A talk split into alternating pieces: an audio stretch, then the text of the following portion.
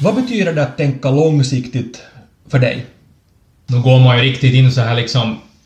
Från min egen synpunkt så tänker jag sådär, när jag, nu är vi tillbaka på det här tekniken igen, men jag tycker ju liksom att, att, att om jag ju tänker liksom att man kan ju tänka sådär att om jag gör en, en, en utförligt bra täckdikning på en åker så kan jag, kan jag ju lätt få det där att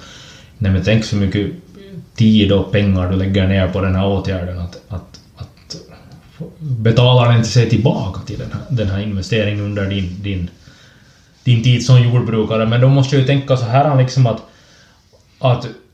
skulle min pappa och mina förfäder ha gjort vissa saker på gården så skulle jag ju haft möjligheten att fortsätta heller. Och det är ju det här som du, du, vi tänker ju liksom vi tänker ju liksom så här kvartalsekonomin och jordbruket utan vi tänker ju generationer framåt liksom att, att, att, att gör vi en grundförbättrande åtgärd nu så då är det, då är det, det gjord och, och, och och den finns där för all framtid liksom. Det är ju klart att det behöver underhållas och förbättras men vi har ju ändå gjort någonting för framtiden igen liksom.